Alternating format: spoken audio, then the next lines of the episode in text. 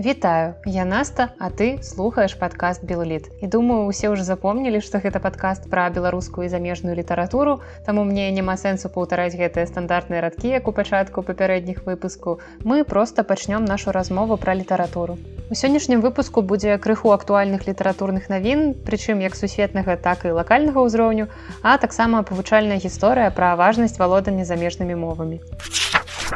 Пачнём я думаю з навін сусветнай літаратуры бо 8 кастрычніка мы нарэшце даведаліся імя сёлетняга лаўрата нобелеўскай прэміі па літаратуры.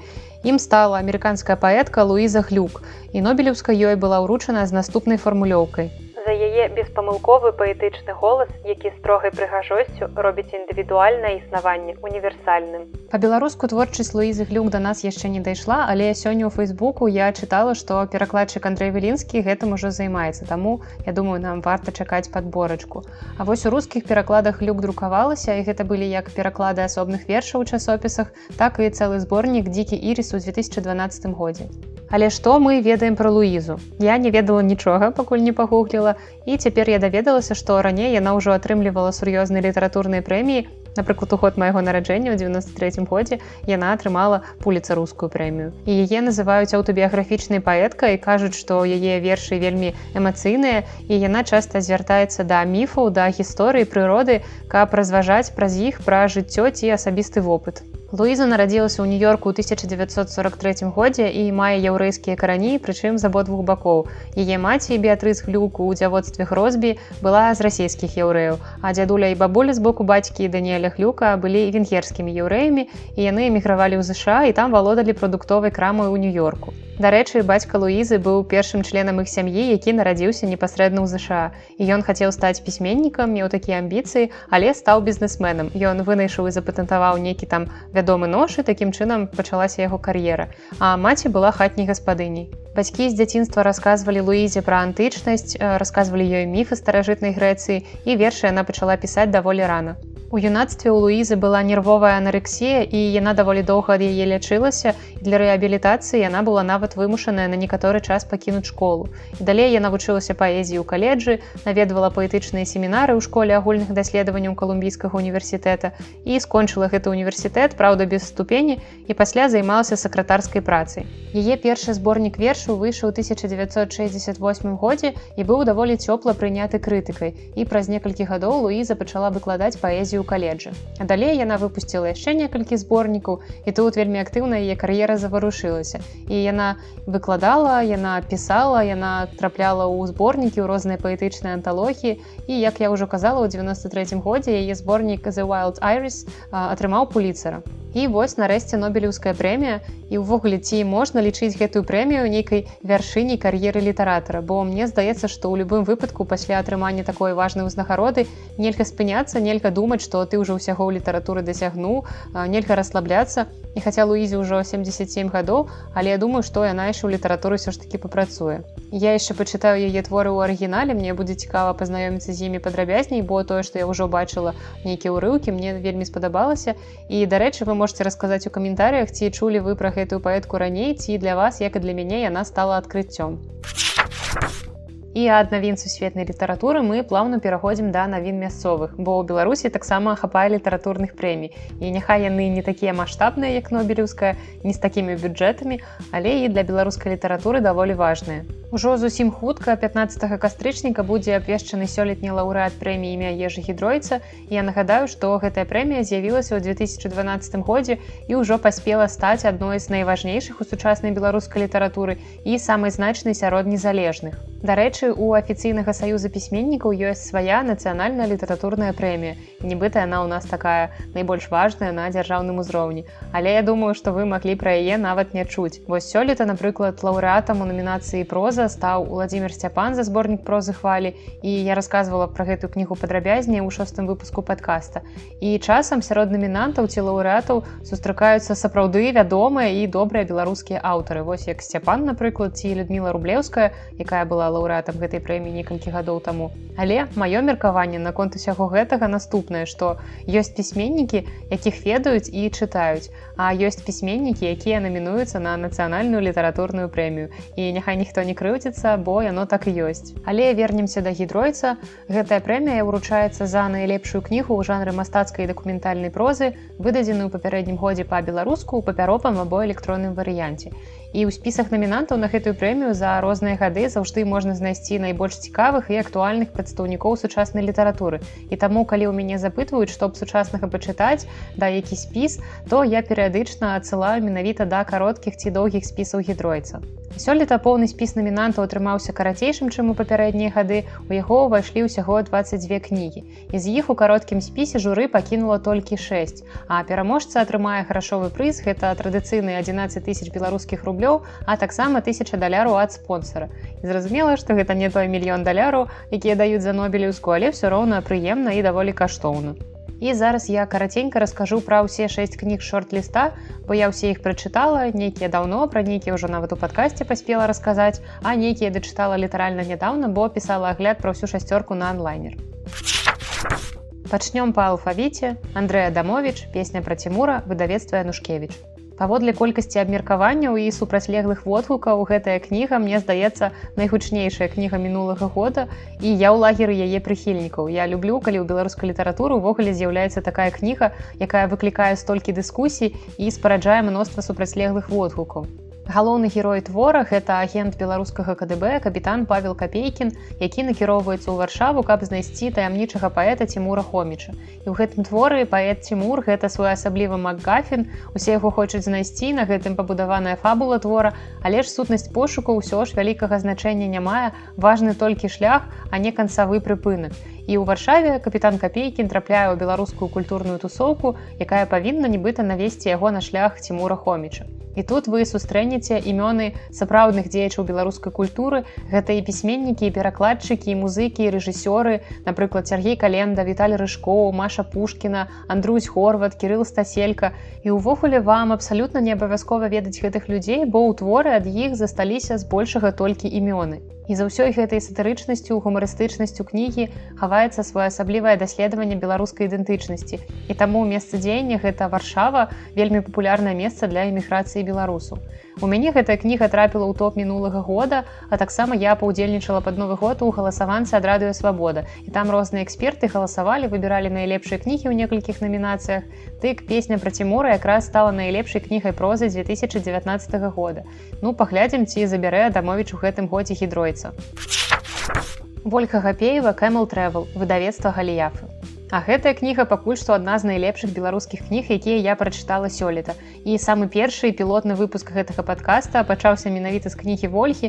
Таму калі вы хочаце пачуць больш падрабязны агляд, то я вас запрашаю першы выпуск. А зараз я толькі караценька скажу, што гэта такая невялічкая псіхатэрапеўтычная кніга. Гэта аўтабіяграфічны раман, дзе ольга ўспамінае пра сваё дзяцінства, якое прыпала на час развалу ССР і станаўлення незалежнай Беларусі. Аўтарка зазірае ўнутр сябе і праз сучаснасць спрабуе асэнсаваць сваё мінулае. Адам хлобус, рысы, нарысы пра творцаў, выдавецтва логвіну. Убачыла кнігу хлобуса ў шорт-лісце намінантаў і засумавала, бо чытаць яе не планавала, пагартала і зразумела, што нічога новага там не знайду. І больш за 10 гадоў таму, калі я вучылася ў апошніх класах школы і паступала на філфак, я была ў захапленні творчасці глобуса. Для мяне тады гэта былі смелыя эпатажныя творы, асабліва пасля школьнай праграмы. Гэта былі дамавікі, якія гвалтуюць жанчын, вадзянікі, аголеныя бландзінкі. І хлопец заўжды быў шчыры ў сваіх выказваннях, асабліва калі яны мелі нейкую негатыўную афарбоўку. Бо вельмі лёгка сказаць пра чалавека нешта добрае, пахваліць яго і нашмат цяжэй напісаць пра яго нейкую гадасць і каб усе асабліва той чалавек прачыталі гэта. Але ёсць і іншы глобус, гэта лірычны глобус, які піша пра сям'ю і робіць гэта вельмі шчыра з вялікай любоўю, напрыклад, у сваіх кнігах дом і сям'я. Я іх даследую, дарэчы, у сваёй кандыдацкай дысертацыі. Але апошнія гады я разгортваю чарговую кнігу глобуса і разумею, што стамілася, бо некалькі гадоў таму з падобнай кнігай успамінаў зваротная перспектыва ён атрымаў трэцяе месца прэміі і сёлета убачыўшы ў шорт-лісце рысы, Я стомлена ўздыхнула, зразумела, што давядзецца чытаць, бо трэба пісаць агляд і вельмі засумавала. Вядома ж у гэтай кнігі ёсць і плюсы. Напрыклад аматары беларускай літаратуры зацікавіцца ўспамінамі пра сыса пра янішчыц пра караткевіча пра іншых творцаў з якімі хлопец быў добра знаёмы. І гэта не нейкія прыхарошаныя светлыя ўспаміны яны пераважна змрочныя напрыклад караткевічы алкагалізм сыса алкагалізм і нішчыцы самагубства і вядома ж ёсць нататкі пра бацьку хлобуса пісьменніка вячаслава адамчыка. Астатнія гісторыі ў гэтай кнізе яны пра музыкаў пра мастакоў знаёмых глобусу павучы вучэльні, дзе ён атрымліваў мастацкую адукацыю. Напрыклад, кніга пачынаецца з успамінаў пра мастака і настаўніка Сергея Каткова і, дарэчы, яго ў сваёй апошняй кнізе хвалі згадваў таксама Владзімир Сцяпан. Ён таксама мастак паводле адукацыі. Ўжо другі раз у гэтым падкасці ўсплываюць хвалі. О гульня слоў хвалі ўсплываюць. падчас чытання хлопусу увогуле я больш сумавала калі чытала бо і гісторыі яны не тое каб цікавыя ці захапляльныя і апісаныя людзі збольшага мне невядомыя. І глобус ён ўсё ж таки не брыль. Не адчуваецца ў ягонай кароткай прозе нейкага стылю напісання які б мог зачапіць. І таму тут я сумам адзначаю што глобус ужо не торт Сергей дубавец тантамарэскі выдавецкая праграма радыёвабода калі гэту кнігу я атрымала па пошце ад радыё свабода то думала што чытаць не буду толькі разыграю. Бо пра гэты кветкавы працэс пра які кніга я шмат чытала ў сродках масавай інфармацыі калі толькі разварочвалася ўся гэтая справа. Было вельмі страшна ад несправядлівасці ад абсурду таго што там адбываецца але каб чытаць пра гэта цэлую кнігу ну як бы не ведаю не хацелася такога жадання не ўзнікала.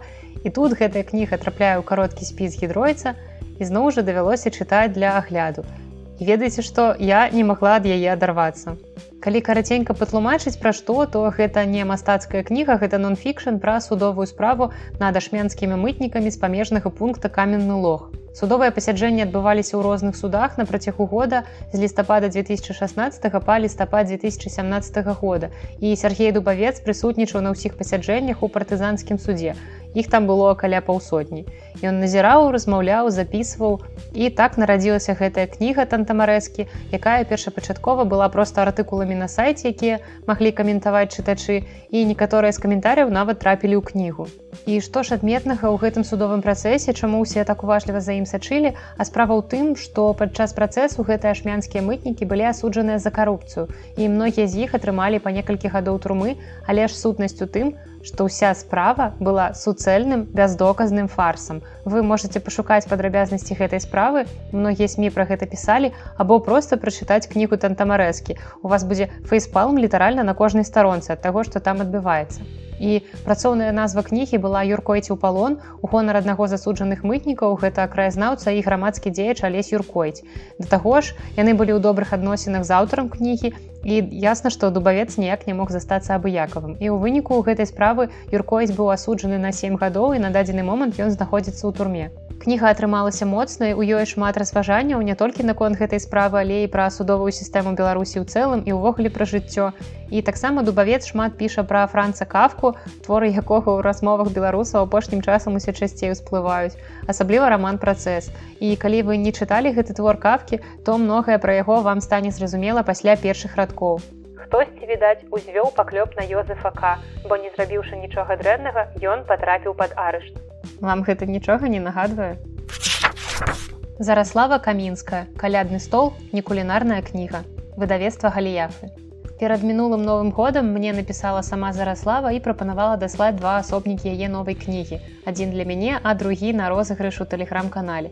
Кнігу, вядома ж, я разыграла і пачала чытаць сама. Гэта другая кніга зараславы, а яе першая русалкі клічуць выйшла ў 2017 годзе і была вельмі ўдалым дэбютам маладой аўтаркі, бо за яе зараслава атрымала прэмію дэбют у намінацыі проза. Таму у мяне былі даволі вялікія спадзяванні на другую кнігу і яны ў прынцыпе цалкам апраўдаліся, хаця кніга атрымалася зусім не такой як дэбютная. І калядны стол недарэмна мае пад загаловак не кулінарная кніга і сапраўды гэта не зборнік рэцэпту, а зборнік апавяданняў пра ежу і ўспаміны, бо вельмі часта розныя прыемныя моманты з нашага жыцця маюць не толькі нейкую візуалізацыю карцінкамі ў галаве, а таксама асацыююцца з нейкімі пахамі, смакамі, гукамі. Вось напрыклад для зараславы дзяцінства мае пах рондаля з бульбай над якім даводзілася дыхаць калі хварэеш. Я думаю што многім з вас гэта знаёмы. І атрымліваецца што калядны стол гэта даволі аўтабіяграфічная кніга якая будзе цікавая нават тым хто пра аўтарку нічога не ведае і можа зараз упершыню ўвогуле пачуў яе імя. Бо ежа гэта тое што нас аб'ядноўвае тое што збірае з вялікім сталом сваякоў сяброў суседзяў. І кожны мае свае харчовыя прывычкі і у кожнай сям'і свае традыцыі звязаныя з ежай яны могуць быць падобнымі як напрыклад аліўе на новы ход але ж нават рэцэпт аліўе ў кожнай сям'і адрозніваецца і тым цікавей. Напрыклад у маёй сям'і салата аліўе ніколі так не называлася гэта заўсёды была салата з гарошкам. І чамусьці ў дзяцінстве я вельмі любіла гэтую страву і аднойчы мы прыйшлі ў госці да нейкіх сваякоў селі за стол я тады была вельмі маленькая я гляджу на стол я ўвогуле ў той час не асабліва шмат ела. Ну вы разумееце што дзеці салаты майонезныя гэтыя ўсе яны даволі рэдка ядуць. Можа быць калі там нейкая бульба ці курыца будзе дзеці гэта са стола могуць есці. Дык вось там было шмат салатаў розных і я гляджу на стол і шапчу маці на вуха кажу што а гарошка не будзе что гэта за свята такое на якім няма салаты з гарошкам для мяне сапраўды гэта было ў дзяцінстве вельмі трагічна калі на стале не было салаты з гарошкам і вось я ж кажу у розныя традыцыі ў розных сем'ях і чытаць гэта даволі цікава і гэта вельмі прыгожае выданне яно ў цвёрдай вокладцы з прыемнай крэмавай паперай. Там ёсць цёплыя і смачныя ілюстрацыі веры драздовай і там боршч перагі нейкія слойкі сочавам іншыя апетытныя стравы і гэта ўсё выглядае даволі прывабна Таму калі ў снежні ўж зусім хутка вы будетеце думаць што патарыць сваім блізкім на зімовыя святы то я раю звярнуць увагу на гэтую кнігу. Гэта будзе такі добры цікавы сувенір. Зразумела што на прэмію хідройца гэтая кніга наўрад ці прэтэндуе я ўвогуле здзівілася калі ўбачыла яе ў кароткім спісе. Але мне здаецца, што і так это для яе ўжо вялікае дасягненне трапіць у гэты кароткі спіс. І я жадаю поспехаў зараславе і думаю, што яна яшчэ парадуе нас сваімі новымі кнігамі. Ганна севярынец гасцініца Бельгія, выдавецтва рэгістр. Папярэдняй дэбютнай кнігай дзень святого патрыка Ганна ўвайшла ў сэрца аматараў беларускай літаратуры. І мне здаецца, што не толькі гэтым творам, а ўвогуле сваёй літаратурнай дзейнасцю і любоўю да перыяду, які яна даследуе. Гэта пачатак мінулага стагоддзя і кожны яе тэкст прысвечаны гэтаму літаратурнаму перыяду ён прасякнуты любоўю. І гасцініца бельгія не стала выключэннем. І калі вам цікава чым жылі беларускія літаратурныя суполкі такія як маладняку звыша у 20-30 гады мінулага стагоддзя то гэтую кнігу варта чытаць. Роман гэты гістарычны і факты ў ім праўдзівая і вельмі вялікая любоў ганны да апісаных гістарычных асоб. Гэта вельмі светлы, творчы, плённы і разам з тым бясконца трагічны перыяд у гісторыі нашай літаратуры. Вось такім атрымаўся кароткі спіс пра імі гідройца, пра кагосьці сказала больш пра кагосьці менш. І я не ведаю, як сёння размеркуюцца месцы прэміі, ну як сёння 15 кастрычніка. Мне нават не хочацца адгадваць бо гэта даўно не працуе і журы ў выніку мяне здзіўляе і не заўжды гэта здзіўленне гэта прыемнае. Але калі вы шукаеце за што б сучаснага актуальнага белліта ўзяцца то я вам раю звярнуць увагу на гэты спіс. Ну а сённяшняя гісторыя на канец падкаста яна і літаратурная і лінгвістычная. І яшчэ яна пра цяжкасці перакладу і пра тое як важна каб цябе разумелі Аднойчы вялікая кампанія сяброў, сярод якіх быў вядомы пісьменнік Сергей Даўлатаў, вярталася з Бостона ў нью-йорк. І па дарозе яны вырашылі перакусіць і павярнулі ў прыдарожную забягалаўку. І было даволі позна, але ўсе дзеючыя асобы гэтай гісторыі чамусьці заказалі суп. І калі афіцыянт пачуў іх заказ, ён здрыгануўся, Але наведвальнікі запэўнілі яго, што рускія настолькі любяць суп, што яны яго могуць жэрці хоць сярод ночы. Афіцыянт усё роўна працягваў здзіўляцца, але ён прыняў заказ і пайшоў. Праз хвілін 20 ён вярнуўся з падносам, на якім стаялі 5 папяровых талерак. А ведаеце, што ў іх было? Вы думаеце, што суп вось і не. Гэта была нейкая густая ружовая вадкасць, разлітая па талерках. Яна была зусім не падобная да супу і аказалася, што ў гэтых талерках мыла, якое афіцыянт цярпліва зліваў з кантэйнераў прыбіральні. Па-ангельску мыла гучыць як соп, а суп так і вымаўляецца суп. Але гэта занадта проста, таму героі гэтай гісторыі прамаўлялі гэтае слово так, каб гучала яно вельмі вельмі па-ангельску, нешта накшталт сэуп і атрымалі літра паўтара вадкага мыла, як в прынцыпе і прасілі. Так што не перастарайцеся пры вывучэнні замежнай мовы. І гэтая сітуацыя была даволі бяскрыўднай, але часам непаразуменне можа прывесці да значна больш сур'ёзных наступстваў. І я вам так скажу, не бойцеся акцэнтаў у замежных мовах. Вас зразумеюць і не трэба ламаць язык. І вядома ж класна, калі вы можете гаварыць, напрыклад, па-ангельску як native спікер, але ваша вот are you doing таксама будзе зразумелым. І на гэтай павучальнай ноце вучыцелька наста заканчвае сённяшні выпуск. Я нагадваю, што спасылкі на ўсе кнігі ў апісанні да гэтага выпуска і там жа яндекс кашалёк, праз які вы можете падтрымаць падкаст і спасылка на Google форму, дзе вы можете пакідаць свае пытанні, прапановы ці заўвагі. І на гэтым я развітваюся. З вами была Наста і падкаст Белліт. Да сустрэчы.